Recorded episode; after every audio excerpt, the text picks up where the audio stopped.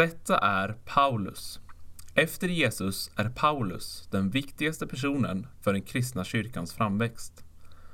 Men hans liv hade från början en helt annan inriktning. Paulus hette inte ens Paulus, utan var Saul av Tarsus. Han var judisk ledare, skriftlärd, språkkunnig och framförallt en stor motståndare till den kristna kyrkan. Men så en dag på en av Sauls alla resor så står Jesus framför honom i form av ett starkt ljus. Det här mötet blir en fullständig usväng för Saul. Han börjar använda sitt romerska namn Paulus. Och om Paulus var ivrig förr i sin jakt på kristna är detta ingenting mot vad han visade i sitt nya uppdrag av Gud. Han kan utnyttja sina språkkunskaper och kunskaper av Toran i sina möten med olika människor.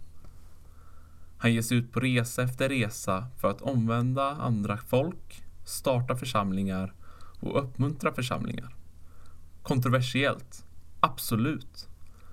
Paulus hann knappt komma igång innan han blev fängslad på grund av sitt engagemang. Men vad hände egentligen i fängelset? Och vad sa han till församlingarna? Hur kan det finnas fler än två miljarder kristna idag?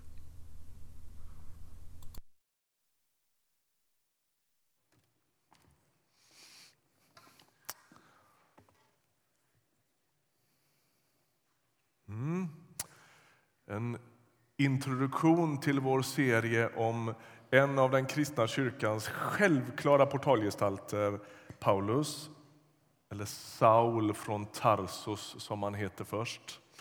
Ehm, tanken är att vi nu då, som Eva-Marie sa inledningsvis, kommer att tala om Paulus och några av hans texter och hans teologi under några veckor. Det kan låta lite märkligt. Det är ju typ halva Nya testamentet som Paulus har skrivit.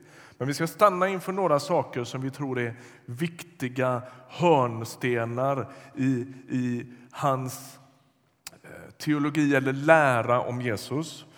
Ehm, vi gör det fyra söndagar och vi gör det fyra bibelstudiekvällar, torsdagskvällar. Vi började redan i torsdags när Mikael Telbe var på besök här. Många var med där. Vi hade fullt här inne i vår sal som heter Ekkällan.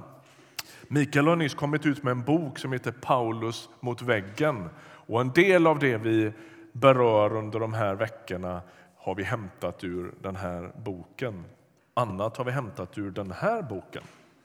får vi se hur det här slutar. Nu ska vi läsa dagens text. Och den hämtar vi från Romarbrevets åttonde kapitel.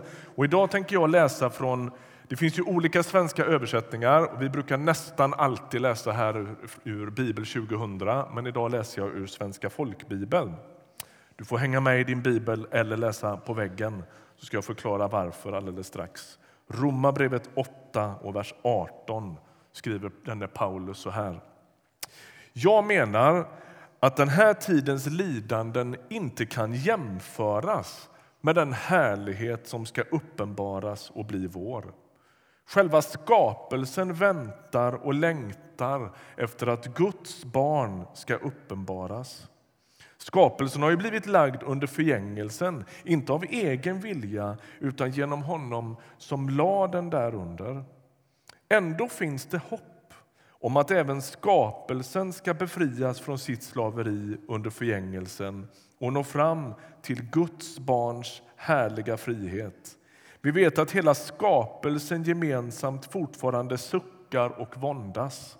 Och inte bara den, utan också vi som har fått Anden som förstlingsfrukt suckar inom oss och väntar på barnaskapet, vår kropps förlossning. I hoppet är vi frälsta. Men ett hopp som man ser uppfyllt är inte längre något hopp. Vem hoppas på det han redan ser? Men vi hoppas på det vi inte ser, så väntar vi uthålligt. Så hjälper också Anden oss i vår svaghet. Vi vet inte vad vi borde be om, men Anden själv vädjar för oss med suckar utan ord. Och han som utforskar hjärtan vet vad Anden menar eftersom Anden vädjar för de heliga så som Gud vill. Vi stannar där. Vi läser från folkbibeln idag och det finns ett, en poäng med det. Du som läser i Bibel 2000 och kanske hängde med i bänken här nu.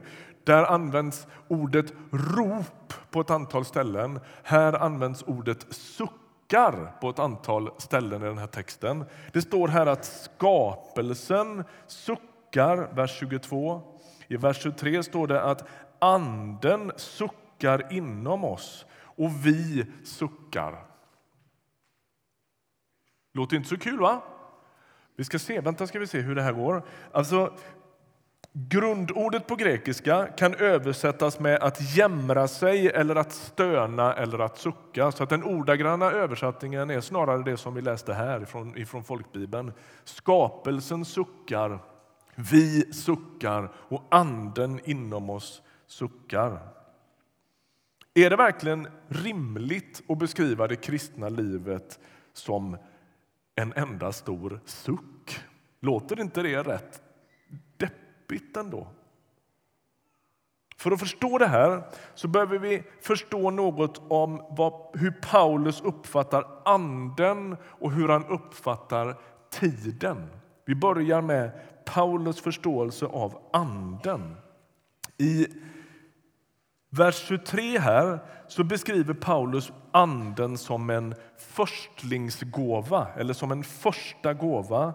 Och ordagrant så står det förstlingsfrukt. En förstlingsfrukt i Israel. Han använder ett judiskt uttryck från Gamla testamentet. Och En förstlingsfrukt det var liksom den första delen av skörden. Du vet, om du skulle skörda ett äppleträd så är de första äpplena som kommer på det där trädet, de skulle man offra till Gud som ett sorts tecken på att hela det här äppleträdet djupast är Guds och all frukten tillhör honom. Är ni med? Och så vänder Paulus på det här och så säger han att Gud har gett människan en förstlingsfrukt. Anden är liksom tecknet på något. Anden är försmaken på något, nämligen på den härlighet som ska komma. Vi har fått Anden, inte som en... Vad ska vi säga, det är liksom inte, lösningen är inte riktigt här än på människans smärta och förvirring utan det är en slags försmak, en slags förstlingsfrukt. Anden är helt enkelt en smak av framtiden.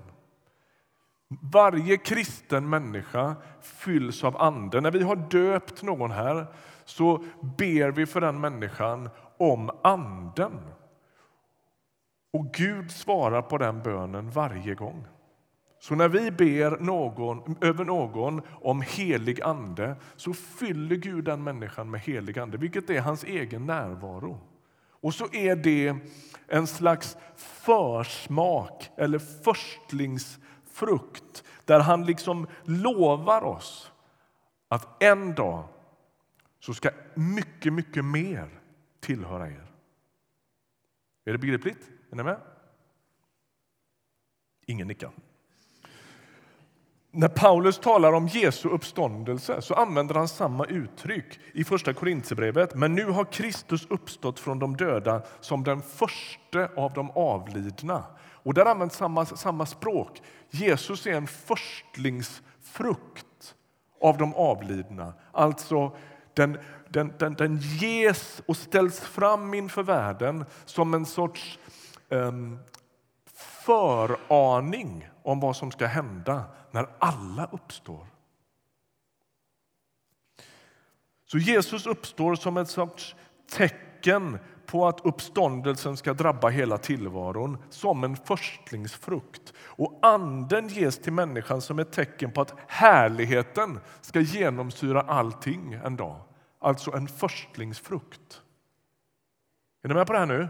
Alltså, gammaltestamentliga idén var vi lämnar vår skörd till Gud, första skörden, som en sorts idé om att all skörden tillhör honom.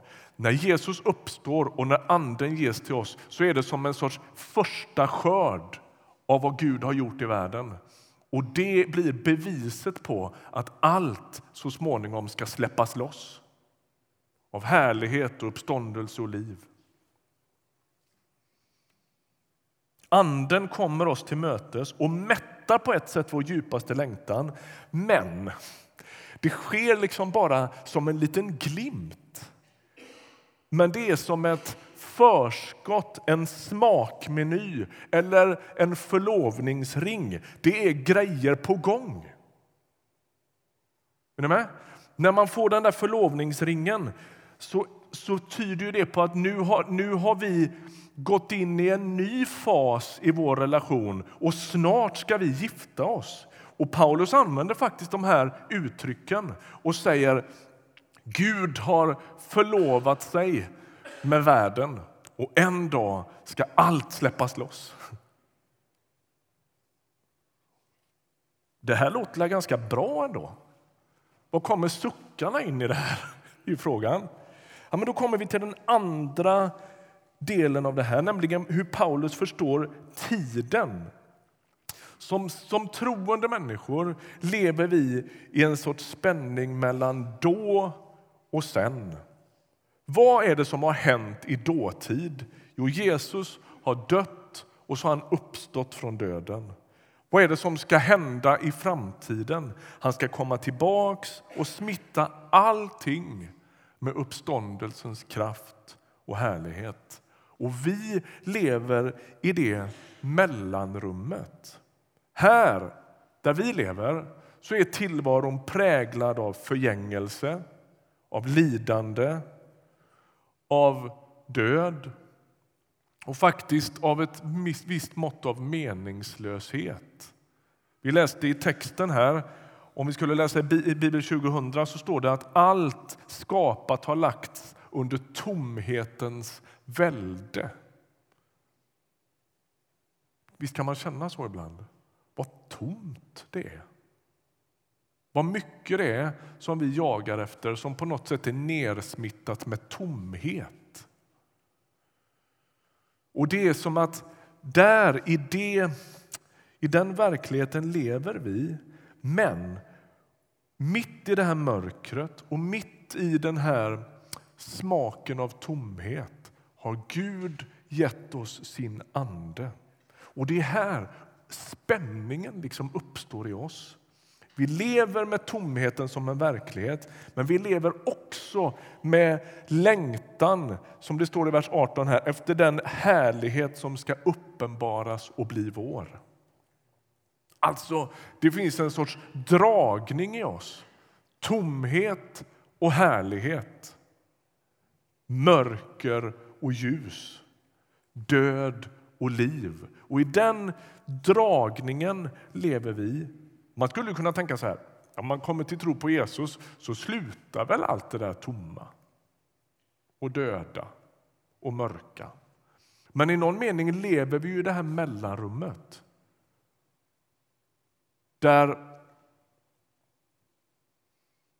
där vi bara får delvis lösningen på vårt dilemma. Resten väntar vi på.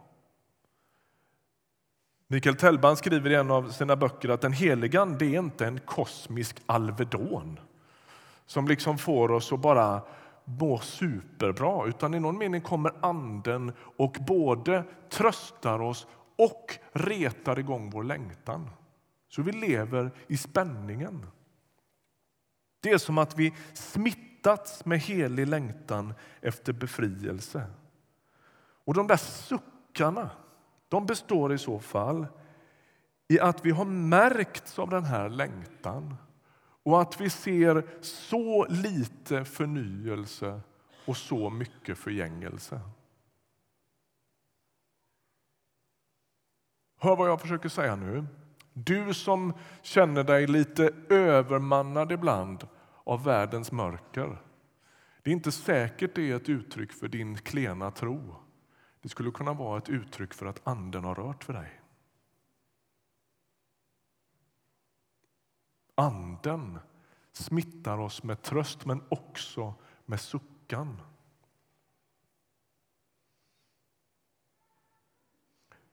Telbe igen, i en annan bok som heter Tillbaka till framtiden som han har skrivit. Det är alltså på grund av att anden för framtidens liv in i nuet som suckan blir en naturlig del av den troendes liv.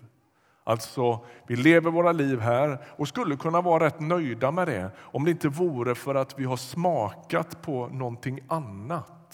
Och i den smaken uppstår också en sorts helig otillfredsställelse. Så här kan det inte vara. Vi vill ju ha det så. Är ni med?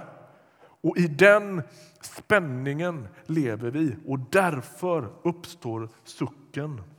Liksom an, genom Anden är vi alltså inte världsfrånvända. Vi blir inte liksom helt avtrubbade inför världens nöd. Tvärtom. Vi blir medvetna om Guds plan för skapelsen och hur förhållandevis lite av den planen vi har sett förverkligat.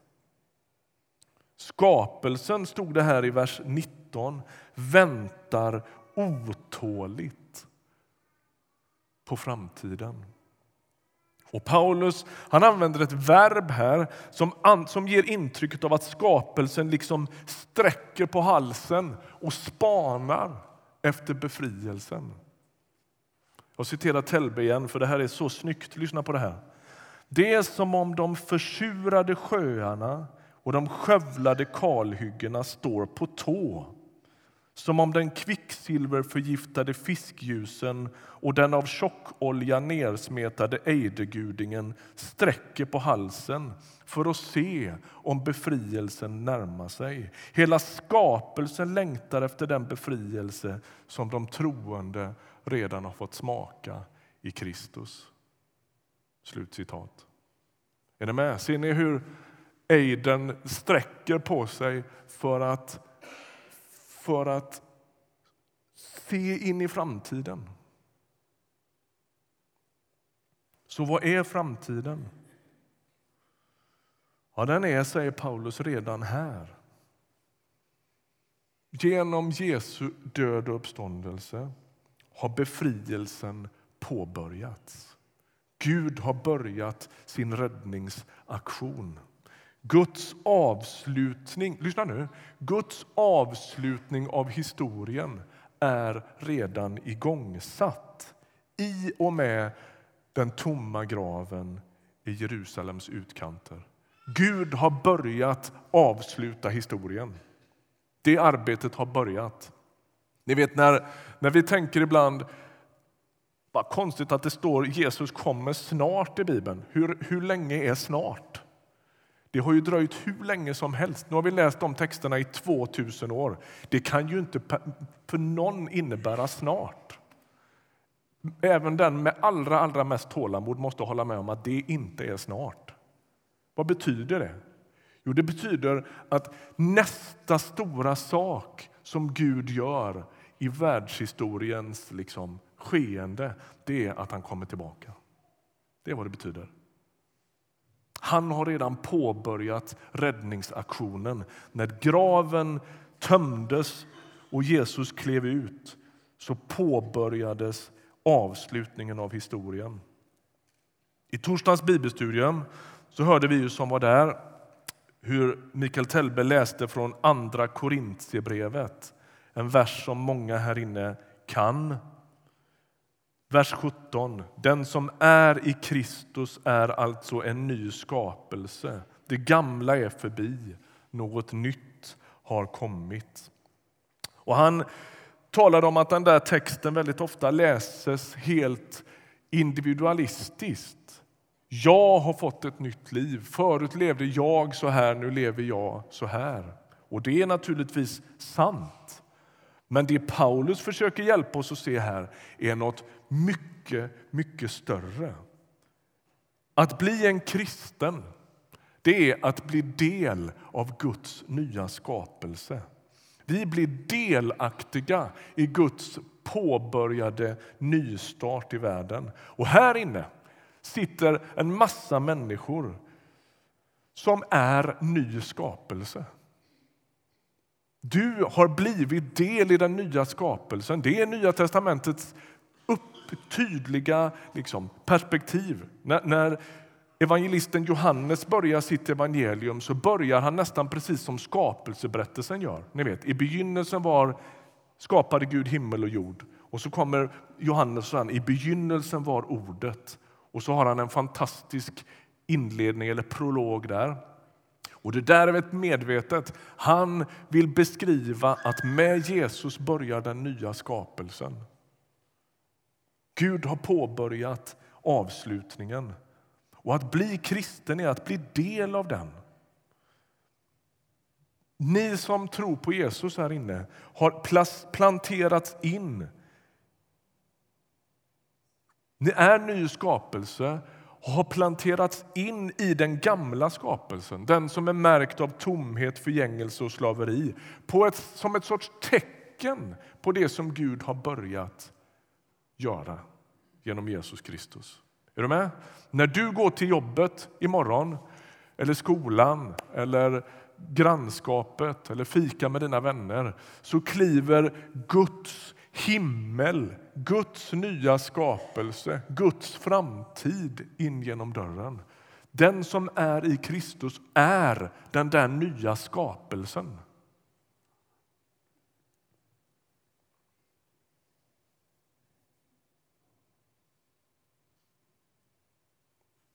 Det är ganska bra. Är ni med? Alltså, här sitter människor som är ny skapelse. Du ser likadan ut i spegeln, men allt har blivit nytt. Det är helt nya förutsättningar. Du hör till en annan värld. Låt oss stanna upp här lite. då. Skapelsen suckar. Hur kommunicerar det här med larmen om skapelsens och klimatets kris. Vad har evangeliet att säga till klimatrörelsen och till alla oss som oroar, oss över utvecklingen? Vad har evangeliet att kommunicera med döda djungelområden i Amazonas och utfiskade Östersjön och så? Jag tänker att man kan reagera på två sätt inför klimathoten och båda är rätt tveksamma utifrån ett kristet tänkande. Är ni med på att det kommer två dåliga exempel nu? Ni fattar det? Ja. Första är, eftersom allt ändå ska förvandlas av Gud så behöver vi ju inte bry oss. Vi har ju precis läst här att det ordnar sig ändå till sist. Gud ska befria skapelsen. Då skiter vi i det där. Då flyger vi lite mer och köper en ännu törstigare bil. Problemet med det, det är att så tänker vi inte i andra frågor. Förvaltandet som Guds folk innebär ju att vi ständigt samarbetar med Gud i hans räddningsplan både när det gäller förkunnelse, befrielse, diakoni och skapelsefrågor. Willy bad ju innan här för, för vårt anti-trafficking-arbete i Mellanöstern. Vi tänker ju inte att eftersom Gud en dag ska upprätta världen och trösta alla sargade människor så skiter vi i trafficking-frågan. Så skulle vi aldrig tänka. Utan vi tänker att det ingår i att be för, om Guds rike att vi samarbetar med det vi just har bett om. Och det är samma gäller skapelsen. Vi kan inte säga att vadå, det där får Gud ta hand om, det löser sig. Det blir helt enkelt en väldigt dålig förvaltartanke kring det. Andra diket skulle kunna vara det här. Vi får panik precis som alla andra. Allt hänger på oss och ångesten lurar ständigt vid dörren. Det finns ingen framtid om vi inte skärper oss. Och Problemet med det blir ju att det är en helt inomvärldslig föreställningsvärld som saknar hopp. Jag tänker ofta vad är kristna kyrkans bidrag i allt det här? När ska någon förkunna hopp?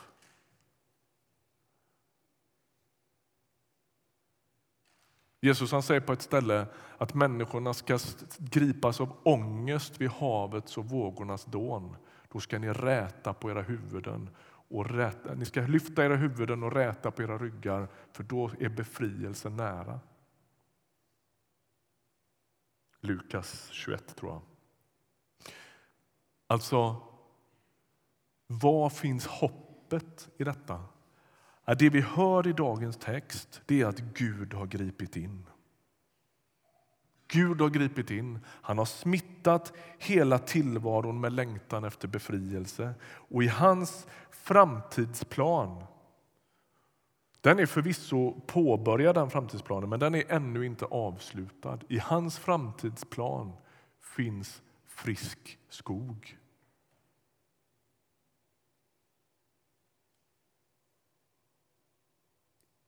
Det är ju allhelgonahelg nu.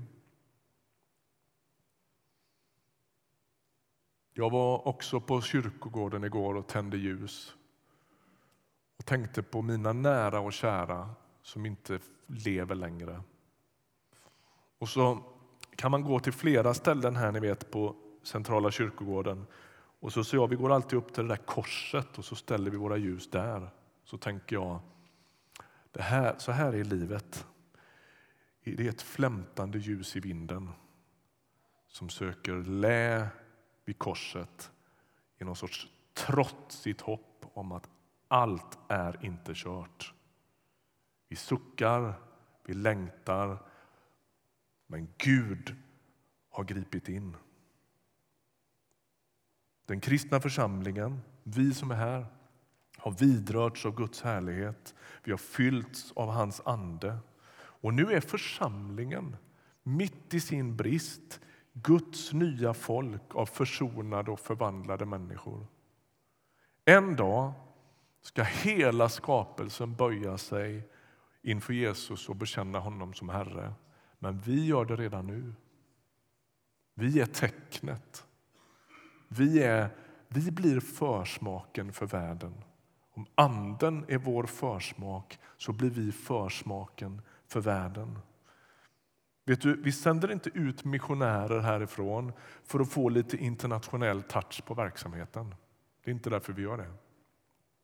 Vi samlar inte in pengar för att budgeten ska komma i balans. Inte djupast är det inte därför. Vi samlar, vi samlar inte unga och äldre för att ha en gedigen palett med schyssta verksamheter. Det är inte så det är tänkt. Nej, allt det här sker för att Gud har gripit in i historien.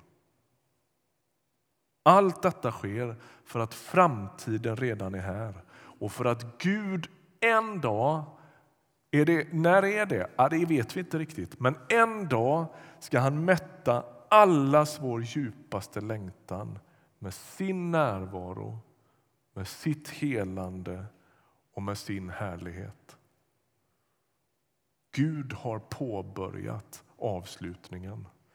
Det gjorde han när Jesus lämnade graven. Du som suckar,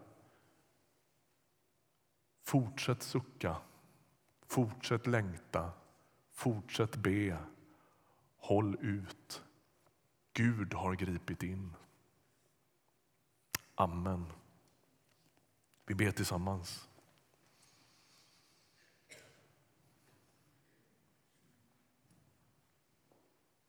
Tack Herre för att du ska upprätta allt. Tack för att du en dag ska göra med hela universum, hela kosmos, hela tillvaron vad du gjorde med Jesus Kristus på påskdagens morgon. Tack att du har börjat befrielse, befrielsen. Tack att du har börjat blåsa frihet in i världen. Tack att du har börjat blåsa helande in i världen. Och Jesus, jag vill be för den som sitter i bänken och känner sig orolig, rädd, hopplös som smittats av meningslösheten. Herre, kom och gjut hopp och mod i våra hjärtan genom den helige Ande. Tack att du har gripit in. Amen.